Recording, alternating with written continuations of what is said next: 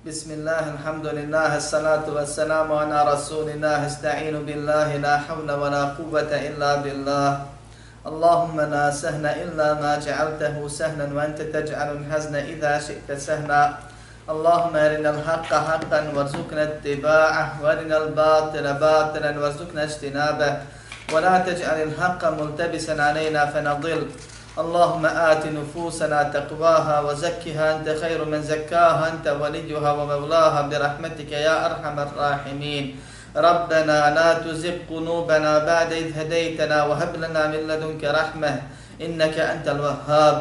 اللهم اجعلنا هداة مهتدين غير الضالين ولا مضلين. اللهم حبب إلينا الإيمان وزينه في قلوبنا وكره إلينا الكفر والفسوق والعصيان. واجعلنا برحمتك من الراشدين اللهم يسر ولا تعسر اللهم بارك وتمم بالخير أما بعد Sva hvala i zahvala pripadaju samo Allahu, jer je samo On savršen i samo On gospodari i samo On smije i mora da bude obožavan. Pa ga hvalimo zbog njegove savršenosti, zahvalijemo mu zbog savršenog gospodarstva, zbog svega što nam se dešava, jer je to dijelo i odredba onoga koji ne griješi.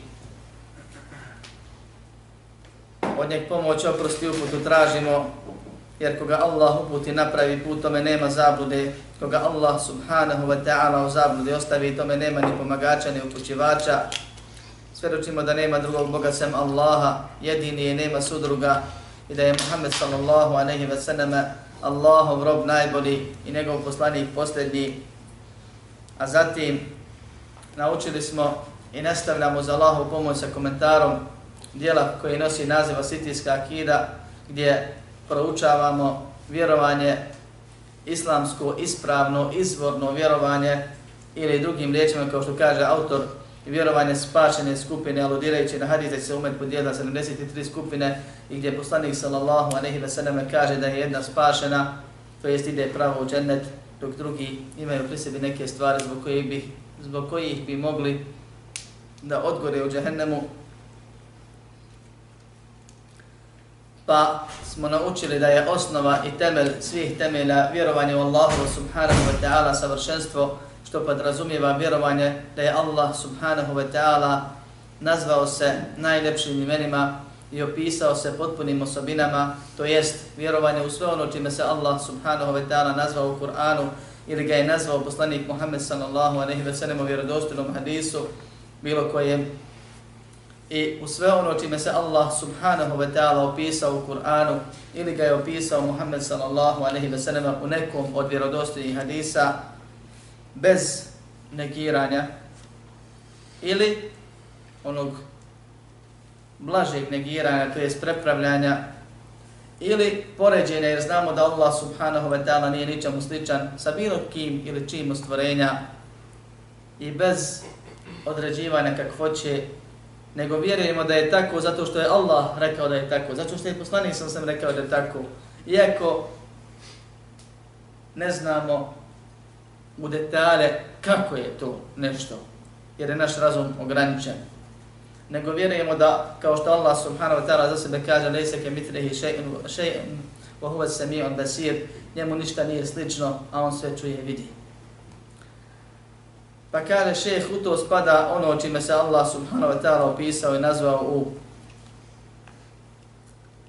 suri Ihlas, pa smo o tome prošli put malo govorili, I ono kaže, وَمَا وَصَفَ بِهِ نَفْسَهُ فِي أَعْظَمِ آيَةٍ فِي كِتَابِهِ حَيْثُ يَقُولُ اللَّهُ نَا إِلَهَ إِلَّا هُمَ الْحَيُّ الْقَيُّمِ I ono čime se gospodar svjetova opisao u najvrijednijem, najveličanstvenijem ajetu u svojoj knjizi, kad je rekao Allahu la ilaha illa huwa al-hayyul qayyum la ta'khudhuhu sinatun wa la nawm al-ayah poznat kao ajetul kursi jer je to jedini ajet gdje se spominje Allahu subhanahu wa ta'ala kursid, kao što će biti spomenuto na kraju, inša Allah. Allah subhanahu wa ta'ala se robovima kroz Kur'an i Sunnet predstavio. Ali je dao da neke sure budu vrijednije od drugih. I o tome smo govorili prošli put. I neke ajeti budu vrijednije od drugih. Iako je sve to Allahov govor, upravo zbog značenja koje u sebi sadrži. Pa kažu islamski učenjaci, ne postoji ajet koji sadrži ono što sadrži ajet u kursije. Jedna rečenica, prosto proširena, sadrži u sebi niz takozvani u našem jeziku se zovu prostih rečenica, koje sve čine jednu cijelinu u kojoj je Allah subhanahu wa ta'ala spomenuo i predstavio nam se sa pet svojih imena i više od 20 osobina, koristeći pritom ona pravila koja Ehle Sunnet primjenjuje kad smo govorili prošli put kako vjerovati Allahove osobine, gdje Allah subhanahu wa ta'ala detaljno spominje neke osobine koje pri sebi ima, a općenito negira ono što mu ne dolikuje. Pa na dva mjesta spominje negaciju, a sve je potvrda. Ovaj ajet je najvredniji ajet, upravo zbog sadržaja. Automatski imaš više od 25 osobina, jer svako od njih pet imena sadrži osobinu plus ostale osobine koja nisu imena. I naučiš toliko novih informacija o najbitnijem znanju mogućim. O Allahu subhanahu wa ta'ala. Upoznaš Allaha bolje i više kroz te stvari koje je spomenuo. I ne postoji ajet gdje se Allah bolje predstavio. Postoji i po početku sure Hadid, na kraju sure Hašr i na nekim drugim mjestima odlomci gdje je Allah spomenuo više imena nego ovih. Ali to je u nizu ajeta, ne u jednom ajetu. Dok ovdje u jednom ajetu, u jednoj rečenci, podužoj, Allah subhanahu wa ta'ala govori to što govori. I zato je to najvrijedniji ajet u Kur'anu. Ali nije to neko procijenio, došao, sabrao, čitao pa rekao na osnovu ovoga kažem da je najvrijedniji. A i to bi bilo dovoljno. Nego je poslanik sallallahu alejhi ve selleme kao što je vjerodostojno zabilježeno, pitao Ubej ibn Ka'ba, koji je poznat bio kao hafiz i učenjak u Kur'anu i tefsiru, pitao ga, o Ebu Munzire, to mu je bio nadimak, koji je kod tebe, ili šta misliš? da bi mi rekli, koji je ajet od onih ajeta koje znaš, najvredniji u Kur'anu. Pa je rekao, Allah i njegov poslanik najbolje znaju. Pa je poslanik sa sam ponovno ga pitao isto pitanje, što znači hoću da, da čujem od tebe. Pa je Ubej radijallahu anhu rekao, Allahu la ilaha illa huval hayyul qayyum. Pa ga je poslanik sallallahu alejhi ve sellem udario po prsima i rekao: "Čestitam ti na znanju o Ebu Munzir." I nazvao to znanjem. Znanjem na koji se čestita. Ko čestita? Muhammed sallallahu alejhi ve sellem. Ashabu jer zna niz stvari koje negiraju oni koji nisu na pravom putu. Prva je da nisu svi ajeti jednaki po važnosti i vrijednosti. Druga, da je ajetul kursija najvredniji ili vredniji od drugih, da je najvredniji i tako dalje i tako dalje. Zbog onoga što u sebi sadrži. Ajetul kursija je od najjačih oružja koja vjernik može koristiti i upotrebiti u borbi protiv šeitana. Bilo da se zaštiti preventivno ili da se liječi. I to je stvar koju ne bi smio musliman da zapostavlja. I zato se spominje u priznanjima mnogih sihirbaza koji su se pokajali ili ne, da su imali velikih problema kad pošalju džina onima koji nakon svakog namaza uče ajatul kursi onako kako je propisano. Ili koji je svako večer uče. Pa je znaju oblijetati mjesecima i duže, a ne mogu da postignu ono, ono zlo zbog kojih su poslani, ne mogu da priđu. Također se prenosi od niza ashaba, a najgore dostane ono što se prenosi od Ebu Hurere u sahihu Buhari, u Buharinom sahihu, da ga je poslanik sallallahu alaihi sallam postavio da čuva zekat, pa mu je došao šejtan i krao jednu, drugu i treću noć, kao što znamo i poznata je priča, jer nemamo vremena ovdje, ja sam protumačio, komentarisao Ajtul Kursiju, pet drsova, imate na internetu ko će detaljnije može naći, pokušat ćemo večeras ukratko da pokupimo osnovne i najbitnije stvari, da vidimo samo Allahova imena i osobine koje Allah subhanahu wa ta'ala spominje kroz ove sure i vrijednost ove sure, jer šeh kaže u početku da je to najvrijednija sura, pa da spomenemo ove stvari.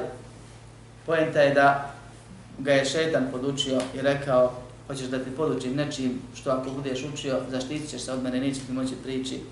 Pa mu je rekao ajetul kursiju, pa je Buhurere nije mu naprvo povjerovao, nego otišao Muhammedu sallallahu alaihi wa sallam, Allahom poslaniku, i spomenuo mu to, pa je rekao sada kako je uvek je zub, istinit je rekao, jako je veliki lažov.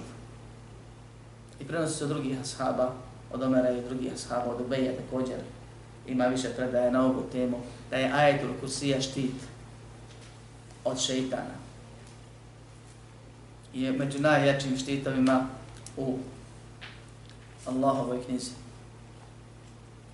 Kaže, u najvrednijem ajetu u Allahovoj knjizi, kad je rekao Allahu la ilaha illa huvan hađun qađum. Allah je. Nema Boga sem njega. Živi i vječni. Tako se prevodi kod nas. Pojasnit ćemo sve kod ovih stvari. Allah. Najuzvišeniji Allahu ime. Sva druga imena ga tumače i komentarišu. Pojašnjavaju. Proizilaze iz njega. Uzeto je po ispravljenju mišljeno od El Ilah, što znači ispravan Bog. Jedini istinski Bog, jedini Bog s pravom, jedini onaj koji se s pravom obožava, jedini onaj koji smije da se obožava, jedini onaj koji mora da se obožava. Onaj koji obožavanje, to jest ibadet, zaslužuje. Allah. I to je Allah subhanahu wa ta'ala ime. I o ovome smo govorili u 60 i nekoliko dersova, ima 65 na internetu kroz komentar knjige Tevhida, pa ko hoće nek se začas vrati. O tome da se samo Allah smije i mora da obožava da svaki ibadet se mora Allahu da usmjerava i da koga usmjeri nekome sem Allahu počinio veliki širk sam i sebe istjerao, izveo, diskvalifikovao iz Islama i iz puta ka džennetu, ka džennetu sve dok se ne pokaje. La ilaha illa hu. Sama riječ Allah znači da se Allah mora obožavat i da se niko ne smije obožavati s njima, jer je istinski Bog. I pored toga Allah subhanahu wa ta'ala napominje stalno. U mnogim dovama i mnogim ajetima je došlo nakon Allah potvrda ibadeta samo Allahu subhanahu wa ta'ala negacija iako ta potvrda u sebi sadrži. Ponovno napominje Allah uzvišenje, la ilaha illahu, nema Boga sem njega. Ima li Bogova pored Allaha, jer je Bog sve ono što se obožava. Šta vi mislite? Ima Allah. Ima. Bog je sve ono što se obožava. Danas ljudi obožavaju sve i svašta. Ali ima li Bogova s pravom, istinski, pravi, koji zaslužuju? Ima. Jedan. Allah. Nema Boga sem Allah. Nema Boga sem njega. Upravo zbog onoga što je Allah, a što drugi nisu. Zbog savršenstva i gospodarstva. Zašto čovjek obožava nekoga? A to što mu taj neko treba, hoće korist, bježi od štete i prije toga zato što je taj neko onaj koji je iznad njega u svemu pa se ponizi i veliča. I to su razlog zbog čega neko obožava nekoga. Allah subhanahu wa ta'ala je savršen. savršen. Pa on svu ljubav, veličanje i ponizno zaslužuje. I Allah subhanahu wa ta'ala jedini koji gospodari. Što znači da samo on svu štetu i svo korist posjeduje. Kome hoće da jedno, kome hoće da drugo. Pa ako hoćeš da voliš, voliš Allaha maksimalno, sve ostale umjereno, Ako hoćeš da veličaš, samo se Allah veliča u svemu jer samo on savršen, svi drugi su manjkavi. Ako hoćeš da se pred nekim poniziš, ne možeš se poniziti pred manjkavi. To kažem ako hoćeš, to dolazi u, jer mi smo stvoreni ko robovi. U fitri nam je da robujemo. Samo će nekom robovat, neko nekome robovat s pravom, a ostali će bez prava. Samo se Allahu s pravom poniznost iskazuje i ponižava pred njim. Allah subhanahu wa ta'ala jedini sve posjeduje. Sve što ti treba, samo ti on može dati. Allah subhanahu wa ta'ala je taj koji iskušava i kažnjava. I u zabludu odvodi. I štiti i podiže svoju zaštitu. Pa od svega što strahuješ, samo te Allah zaštititi može. Zato se samo Allahu smije i mora obratiti. Nikome drugom se nema. Jer niko drugi to ne zaslužuje. I zato je Allah, Allah, istinski Bog i zato nema istinskog Boga sem Jer on je subhanahu al-hayyul qayyum, onaj koji istinski živi, koji sav život posjedi, koji stvarno živi. Al-hayy, svav život, stvarni život, potpuni život. Allah subhanahu wa ta'ala je od uvijek i nije postao. I za uvijek je neće ga nestati. I on je taj koji živi od uvijek, stvarno, istinski. I za uvijek. Sam opstoji i drugi održava, ako ćemo kasnije izreći El-Qayyum, također se posjetiti. Svaki vid i oblik života, a sva stvorenja imaju život i ono što mi zovemo neživom i živom prirodom, je produkt Allahovog života. Sebe je Allah. Allah daje život svima, a njemu život ne daje niko, on sam živi. I od uvijek živi i za uvijek živi. I sve ima svoj početak i Allah je izuzeo neka bića, većina imaju svoj kraj. Pa je duše stvorio za vječnost. I džennet i džehennem stvorio za vječnost i neke stvari izuzeo za vječnost. I vječno ko bude živio u džennetu, živjet će zato što mu Allah vječni život daje. A ne zato što je on dopostigao neku sposobnost da sad on može sam vječno da živi. I ona je ograničeno ko živi, živi onoliko i on, koliko mu je Allah propisao da živi. I zato je Allahov život potpun, istinski, stvarni, vječni, a život drugih ljudi je ograničen, nepotpun, onako kako Allah hoće, drugi stvorenja, pardon. Bilo se radi o ljudskom životu koji je malo bolje nego neka druga bića koja će ranije završiti sa životom, da tako kaže.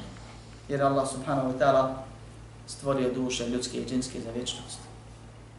Da se vječno pate većina i oni koji su izuzeti od propasti, što koji su uputu tražili pa ih Allah uputio i uputu čuvali i nisu se s njom igrali, pa im je Allah tu blagodat sačuvao da vječno žive. Al hajd. Allah subhanahu wa ta'ala je svima života. Ljudima, džinama, džinima, životinjama, biljkama, kamenju, planinama, aršu i drugim stvorenjima.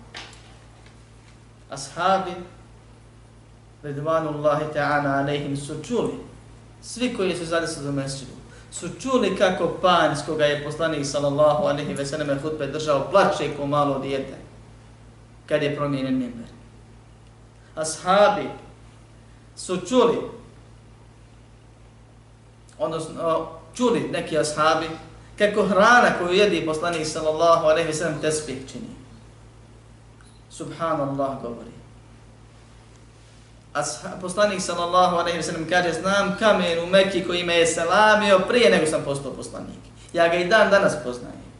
Allah subhanahu wa ta'ala spominje da je nebesima, zemlji i planinama ponudio emanet ovaj koji je preuzeo insan.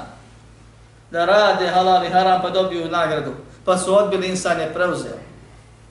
Allah subhanahu wa ta'ala spominje da sve slavi i veliča njega.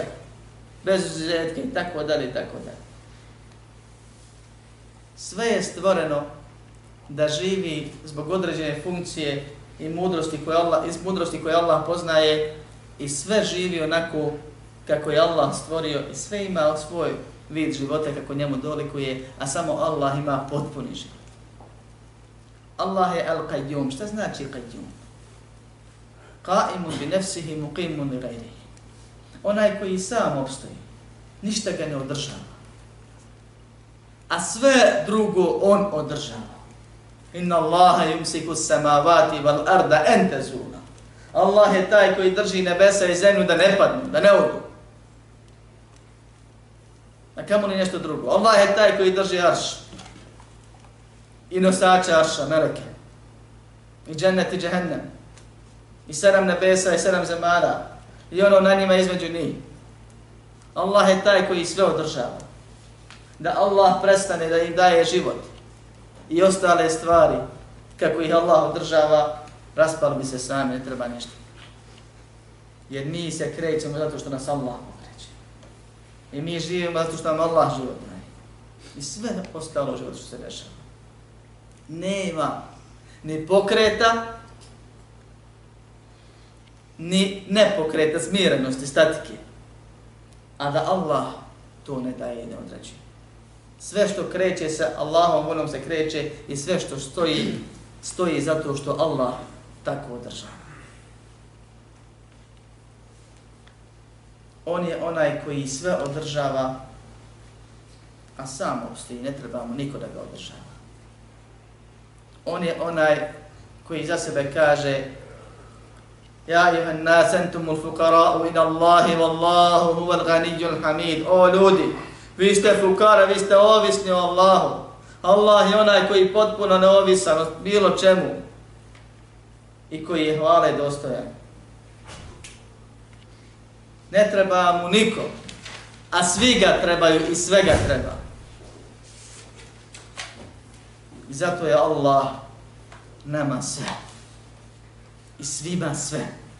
Neko to prizna, pa ga Allah uputi putevima koji džennetu vode i uvede ga u vječno uživanje, a neko to zna možda, a neće da prizna, ili ga ne zanima pa neće da spozna, pa ostane u vječnoj zabludi nesreći na ovom svijetu i zaslužuje vječnu patnju na ahiretu. La ta'khuduhu sinatun wa naum. Kad kaže da je istinski Bog, a zna da mnoštvo ljudi, većina ljudi obožava druge sem njega, onda dolazi s negacijom i kaže nema Boga sem njega. Kad kaže da vječno, stvarno, istinski živi, da sam obstoji i sve održava, onda negira ono što bi moglo da nam padne nekima pa su rekli ili pomislili. A svašta su mu neke religije pripisali, pripadnici nekih religija pripisali i to da tuguje i plače i nemoćan je i ne znam nija šta već.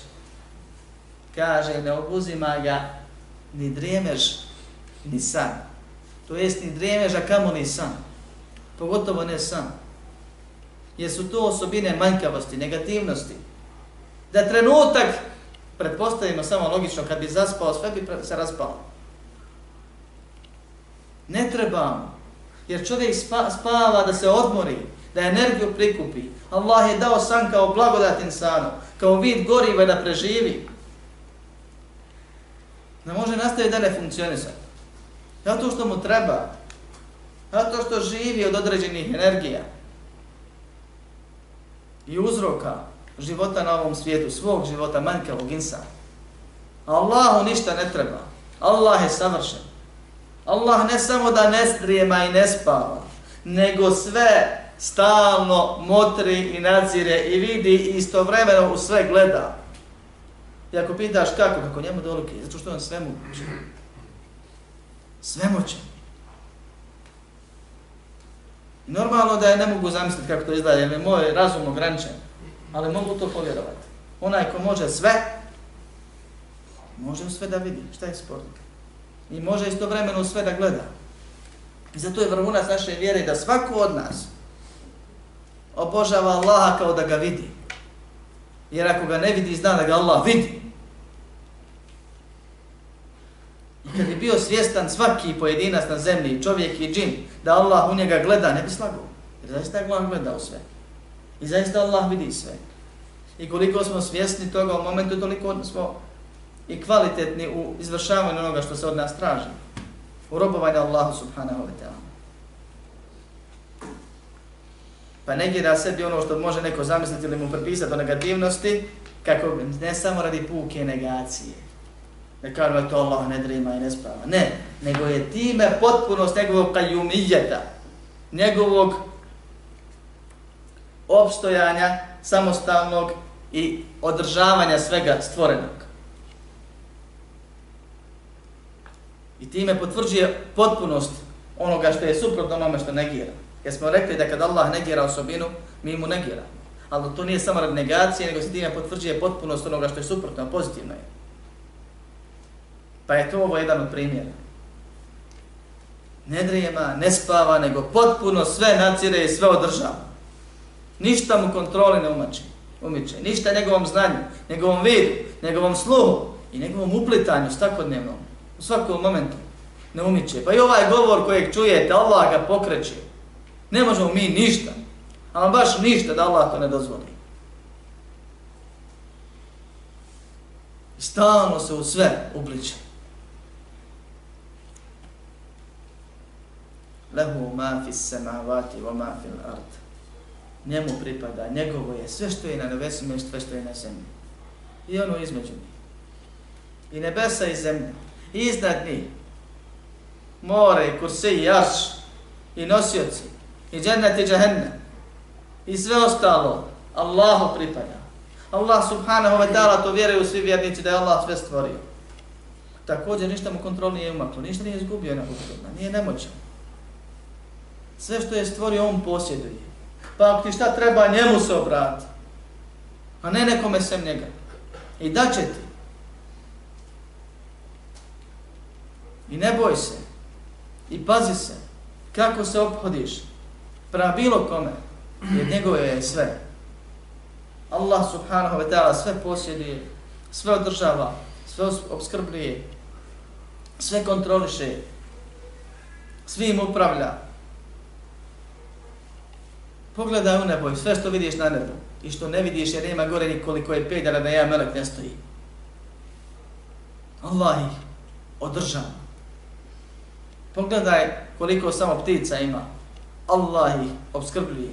Spusti pogled oko sebe koliko je ljudi i džina još više koji ne vidimo, a tu su.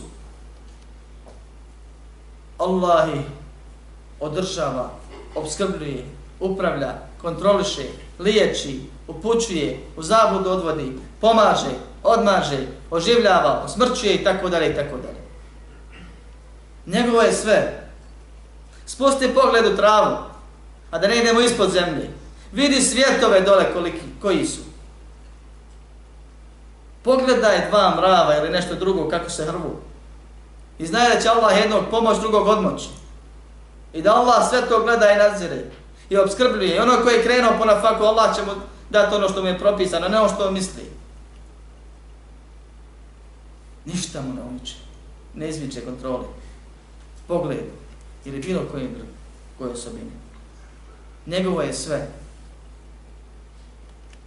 I nakon što kaže njegovo je sve onda negira nešto što su mušiti sebi umislili, pa zbog toga širka Allahu učinili i stvorenja mu ravnim smatrali, pridružili, a to je mi smo slabi, mi smo manjkavi, mi smo grešni, hajmo mi se molit nekim robovima boljim od nas ili bezgrešnim poput nežive prirode, nek nas oni Allahu približi, nek se oni Allahu zamoli. Jer Allah njih voli nas mrzi zbog greha, ali njih voli što su dobri. Pa ako ih Allah voli, Allah ih voli kako njemu dolika, ne kako mi volimo jedni drugi. Jer mi kad nešto volimo, ne nek smo slabi pa mu ugađamo. A to nije slično. Jer Allahu ništa nije slično. Sa ljubavi koju Allah osjeća prema onima, Allah se i potvrđuje da je voljen i da voli. Pa su umislili sebi nešto, zato što nisu Allaha spoznali onako kako njemu dolikuje. Pa Allah kaže, nakon što kaže da je njegovo sve što je na nebesima i na zemlji, men te leti ješfe'u indahu illa bi idni. Ko je taj ko se smije zauzimat kod njeg bez njegove dozvole? Ne smiješ ga pitat. Poslanik sallallahu sallam najbolje stvorene. preuzima na sebe emanet pitana za velike šefa zato što mu je to već na dunjalu obećano. I to ne pita ga kad on hoće, nego ode i padne na seždu i moli ga dok mu se ne kaže digni glavu i pitaj. Ne prilazi, a prije njega poslanici najbolji odbijaju to. Jer nije to njihova funkcija. Ne smiju. Kažu, svaki od njih kaže, Allah se rasrdio danas. Kako se nije nikad rasrdio ranije, niti će ikad kasnije pa neko spomene grije, Isa alaih sada ne spomene grije, ali nije to moje, idite drugo. Vidite kod njega. Ja ne smijem drugim riječima. Da pita, da počne suđenje, ne da neko preko štele u dženetu vede. A ljudi su sebi umislili da se kod Allaha ne audu billah može našteliti. Zato Allah pita se ovdje nakon što potvrđuje sebi apsolutnu kontrolu nad svim, da on gospodari svim, da on svi ostali robovi u nekoj vlasti, ne mora zbog njih nekome da popušta. Kaže, ko je taj ko se smije zauzimati bez da mu dozvoli? Šefaat ima i postoji po pravilima koje će rijed postati, pod uslovima, da onaj ko se zauzima bude od onih kojima je dozvoljeno se zauzimaju. Dakle, ima dozvol. Da je Allah s tim zadovoljan kao zauzimačem. I da se zauzima samo za ono koji također ispunjava ova dva uvjeta. Da mu se dozvoli, kao što kaže Muhammed sallallahu a nehi sallam, Allah će mu pokazati jednu granicu, odrediti, reći mi zauzvaj se za ove, će se zauzima za njih. A ne za kog ja hoću. I da je Allah dozvoli da se za njih zauzima zato što je s njima zadovoljan. I neće se moći neko zauzeti za nekoga s kim, s kim Allah nije zadovoljan, pa će Allah zbog ovoga oprostiti, smilovati se onome i uvesti ga u džene. Ne, to je nemoguće. Jer Allah subhanahu wa ta'ala spominje وكم من ملك في السماوات والأرض لا تغني شفاعتهم السماوات لا تغني شفاعتهم شيئا إلا من بعد أن يأتنا الله لمن يشاء ويرضى koliko je, kaže, nebesa, meleka na nebesima, čiji šefaat ništa neće koristiti osim za onoga s kim je Allah zadovoljan i kome dozvoli. Samo. I onaj ko se zauzima, mora Allah s njim biti zadovoljan i mora mu dopustiti da se zauzima. Pa je Allah zadovoljan sa Musaom, sa Isaom, sa Ibrahimom, ali nije mu dopustio da se za še, velike šefa zauzima. Pa ne, ne prilazi, ne traži. Nego za ono za što su za, za, što im je propisano i dozvoljeno. Tu će se zauzimati, to je za svoje narode i tako dalje. I onaj za kog se zauzima mora biti od onih s kojim je Allah već zadovoljan. Pa ako širk čini, A ljudi širk čine radi šefata. Onda je sam sebe izbacio iz te kategorije, iz konkurencije. Nije uopšte u toj konkurenciji. Allah nije zadovoljna sa širkom. I ne možeš na taj način do dženeta. Kažu, to je kraći put. Ima taj put, kaže, poznati da se moliš, da čuvaš, da paziš, a ima mi put, molimo svoje šehove, pa nas oni uvedu. Ne udobila. To može kod korumpiranih vladara samo. A neku savršenog gospodara, najpravednijeg i najmilostivnijeg.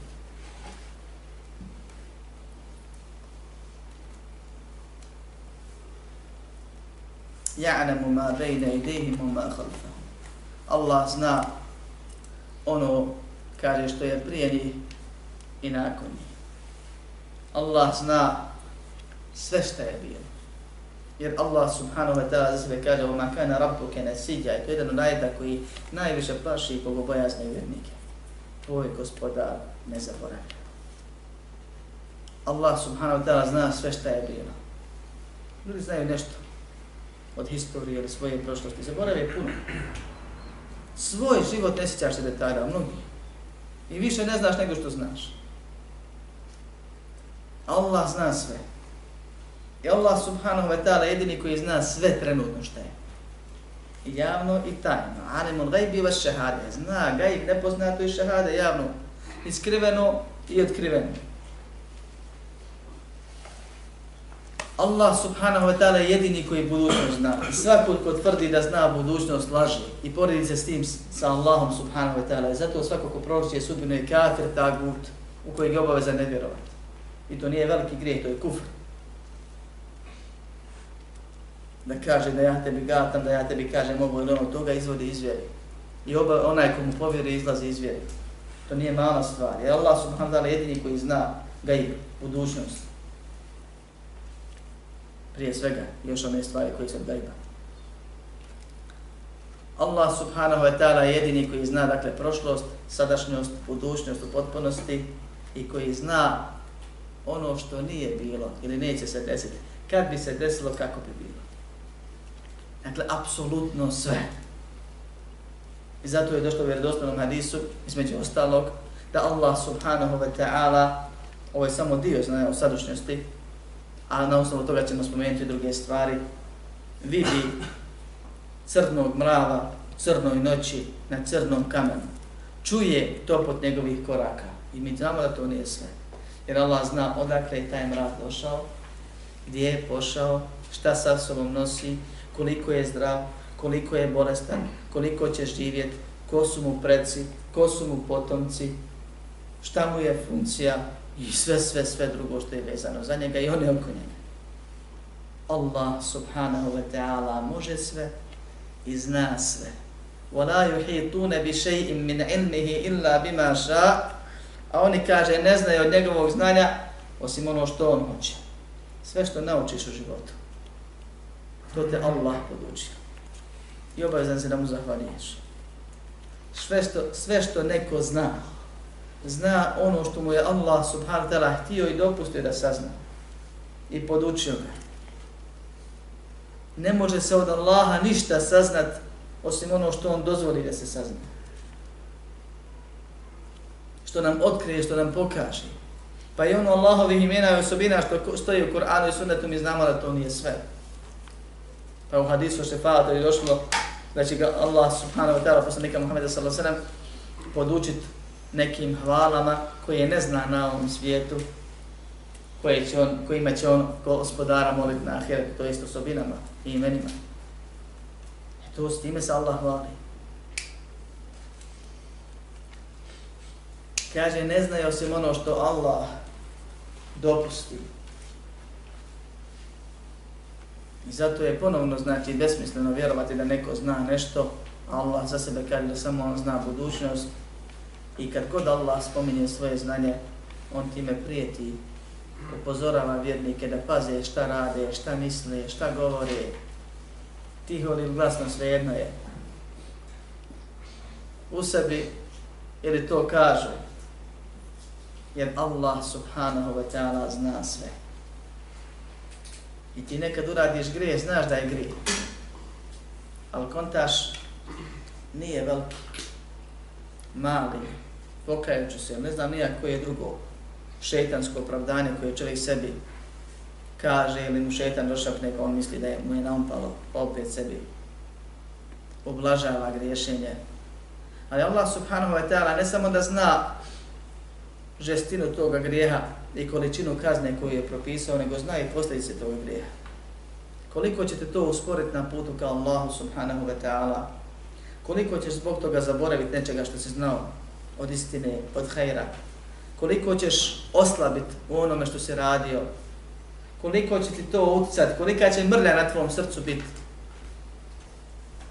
I to samo grije. To ima posljedice.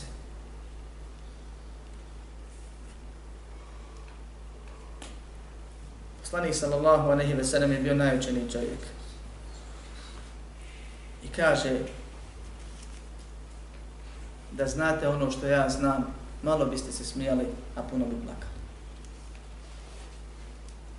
Allah subhanahu wa ta'ala zna sve, jedini.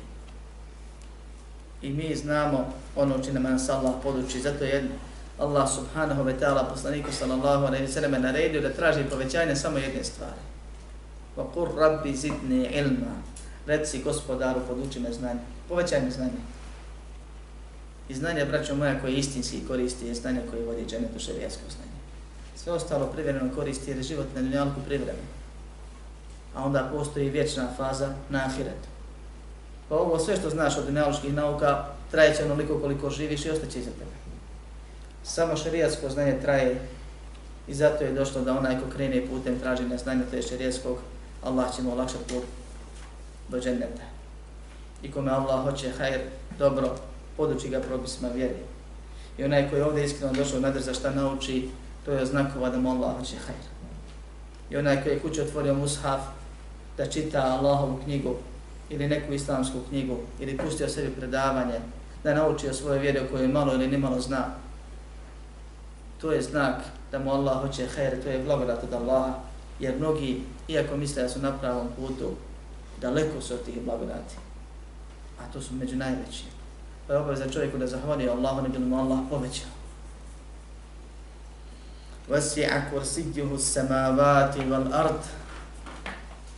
Njegov kursid obuhvata nebesa i zemlje. Kursid doslovno s arabskom jezika znači ono, ovaj, znači stolica. To je arabsko jeziko. A pojašnjeno je u tefsirima i u Koranu šta znači kursi. I ono se razilazi na nekoliko mišljenja. Jedni kažu da se ovdje misli na Allahovo znanje, drugi kažu da se misli na Allahov prijesto, na Allahov arš, A treći kažu da je to jedno posebno stvorenje i to je ispravno mišljenje i to se prenosi od Abbasa zato što na to ukazuju Kur'an, sunet i arapski jezik. Izvor, korijen riječi, u arapskom jeziku svaka riječ ima svoj korijen koji ukazuje sam po sebi. Sve riječi slične su iz istog korijena i o istoj vrsti govore i pričaju. To je nešto posebno. Korijen ove riječi ukazuje na sabiranje, skupljanje i od toga je defter. Kurase, sveska, a to što imaju sabrane listovi, sabrano ono što se piše. I kaže se kerasi za učenjake zato što su skupili znanja. I kursi se zove, zove stolica zato što se čovjek sabere na nju, sjedi. I tako dalje, i tako dalje. Suprotno od korijenu riječi znanje i korijenu arša koji znači nešto sasvim drugo, I za arš mi imamo dokaz, ali nije ovaj dokaz. Ne treba nam ovo. Od Ibn Abbas radijallahu anhu se prenosi da je rekao da je kursi znanje. Mnogi islamski učenjaci od Ibn Mende pa nadalje su spomenuli i objasnili da se da se da je ovaj rivajet slab. Ima ih koji su branili taj rivajet, ali se u drugom rivajetu vjerodostojom od Ibn Abbas radijallahu anhu prenosi jas. A Ibn Abbas je ko? Turđumanul Kur'an ashab Allahova poslanika koji je bio najučeniji u Kur'anu, nosio naziv tumač Kur'ana. I on kaže u vjerodostojnoj predaji da je kursi mevdi'u qadamiyyi rahman mjesto Allahovih stopa. To je jedan, jedno Allahovo stvorenje omanje u odnosu na arš, jer smo o tome govorili na zadnjem desu komentaru knjige Tevhida, kad smo govorili o Allahove veličine i veličanstvenosti, gdje u hadisima stoji da je kursi u odnosu na arša kao nešto malo u odnosu na pustinju i tako dalje, ima nekoliko primjera. Uglavnom veoma malo, zanemarivo malo u odnosu na arš, Allahov prijestol, iznad kojeg se gospodar svjetova ozdigao. Ali je kursi, kao što kaže Allah u ajetul kursi, vasi'a samavati vel ard. Vasi'a kursijuhu samavati vel ard. Allahov kursi, to Allahovo stvorenje, koje je mjesto Allahovih nogu na sudnjem danu, je širi, veći, obuhvata nebesa i zemlje. U našu planetu veliku što ne možemo da pregledamo i da prijeđemo i svašta nešta, a za koju već znamo sad, kako je nauka malo odmakla, da je to jedna tačka u svemiru, a taj sav svemir koji ljudi će otkriti kad je sve ispod prvog neba. Sve ispod prvog neba. Pa postoji nebo, pa prostor između, pa drugo, pa prostor između i tako sedam nebesa. I sva ta nebesa u odnosu na kursi su zanemarivo mala. I kursi je veći od njih. I ovdje se Allah subhanahu wa ta'ala kao spomen kursija veliča i govori o svojoj veličanstvenosti i veličini stvorenjima. Ne da mi možemo izmjeriti, jer je to nemoguće i ne traži se to od nas, nego da zamislimo i da se prisjetimo i da nam i se ubjeđenje i strahopoštovanje u srcu javi i poveća koliki je te gospodar svjetova. Kad je arš toliki, a kursi zanemarivo mali, a taj kursi je ogroman u odnosu na nebesa i zemlja, zemlju koji su u odnosu na njega zanemarivo mali, a zemlja je samo jedna od tih svih tački tu, a mi znamo koliko smo zanemarivo mali u odnosu na naš grad opštinu, kanton, državu, mi kao pojedinci, a kamo li na zemlju planetu. I mi nešto da se suprostavljamo, da provociramo, da srdimo svojim gresima gospodara svjetova, nikako ne ide. Da pomisliš samo koliki je te gospodar svjetova. I ovdje Allah subhanahu wa ta'ala spominje da ima od svojih stvorena kursi, Allah ga nije uzeo kao nejaš iz potrebe jer Allahu ništa ne treba nego iz mudrosti. A jedna iz, od mudrosti je to da iskuša one kojima je u srcu zed, sklonost ka zabludi. Ne mogu da se smiri. Pa da onda kažu, ne, ne vjerujem mi u kursi, to je nešto, to je ovo, to je ono. Što će Allahu, kaže kursi? Što će Allah, arš, kaže, ako bi se izmakao arš, bil to Allah, ne budu bila pao, to mi slične stvari. Ko si ti tako mali da pitaš Allah, što će mu nešto? Otkud ti pravo? Ne treba mu to znamo jer mu ništa ne treba. Ali Allah kaže da nešto ima, da je nešto sebi stvorio. I ako si vjernik, možeš mu samo vjerovati, tačka. Inače, teško te.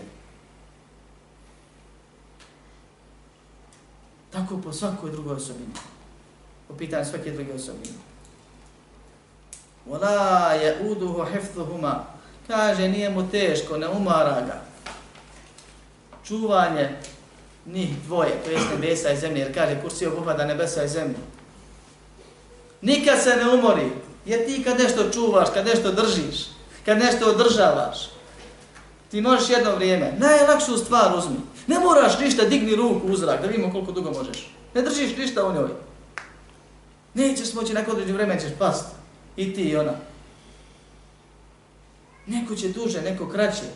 Ali ima rok. Allah subhanahu wa ta'ala održava sve, stalno. Ono što je odredio da privremeno barove je država do roka određeno. A ono što je stvorio za vječnost, vječno će to da održava. I ne umara ga. Nije mu teško. Nije mu mrsko. Jer je svemoćan وَهُوَ الْعَلِيُّ الْعَظِيمُ Još dva imena. Allah subhanahu wa ta'ala spominje. On je svevišnji. Uzvišeni. Iznad svega. U svom biću. Svojim bićem se uzdigao iznad stvorenja. Sva stvorenja stvorio ispod sebe. Allah je gore, jer on tako kaže. I nemamo pravo da to prepravljamo i negiramo. Da bježimo od toga.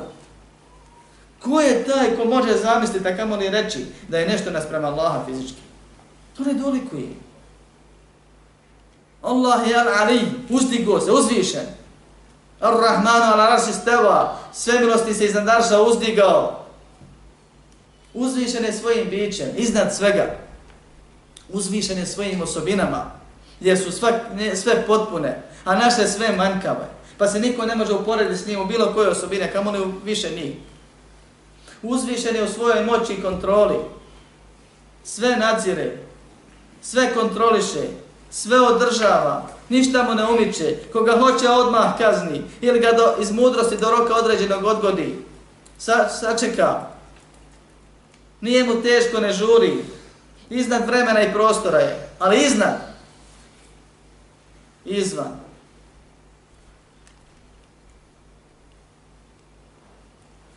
Ništa mu ne umiče. Sve što je stvorio, gleda, nadziri, kontroliše.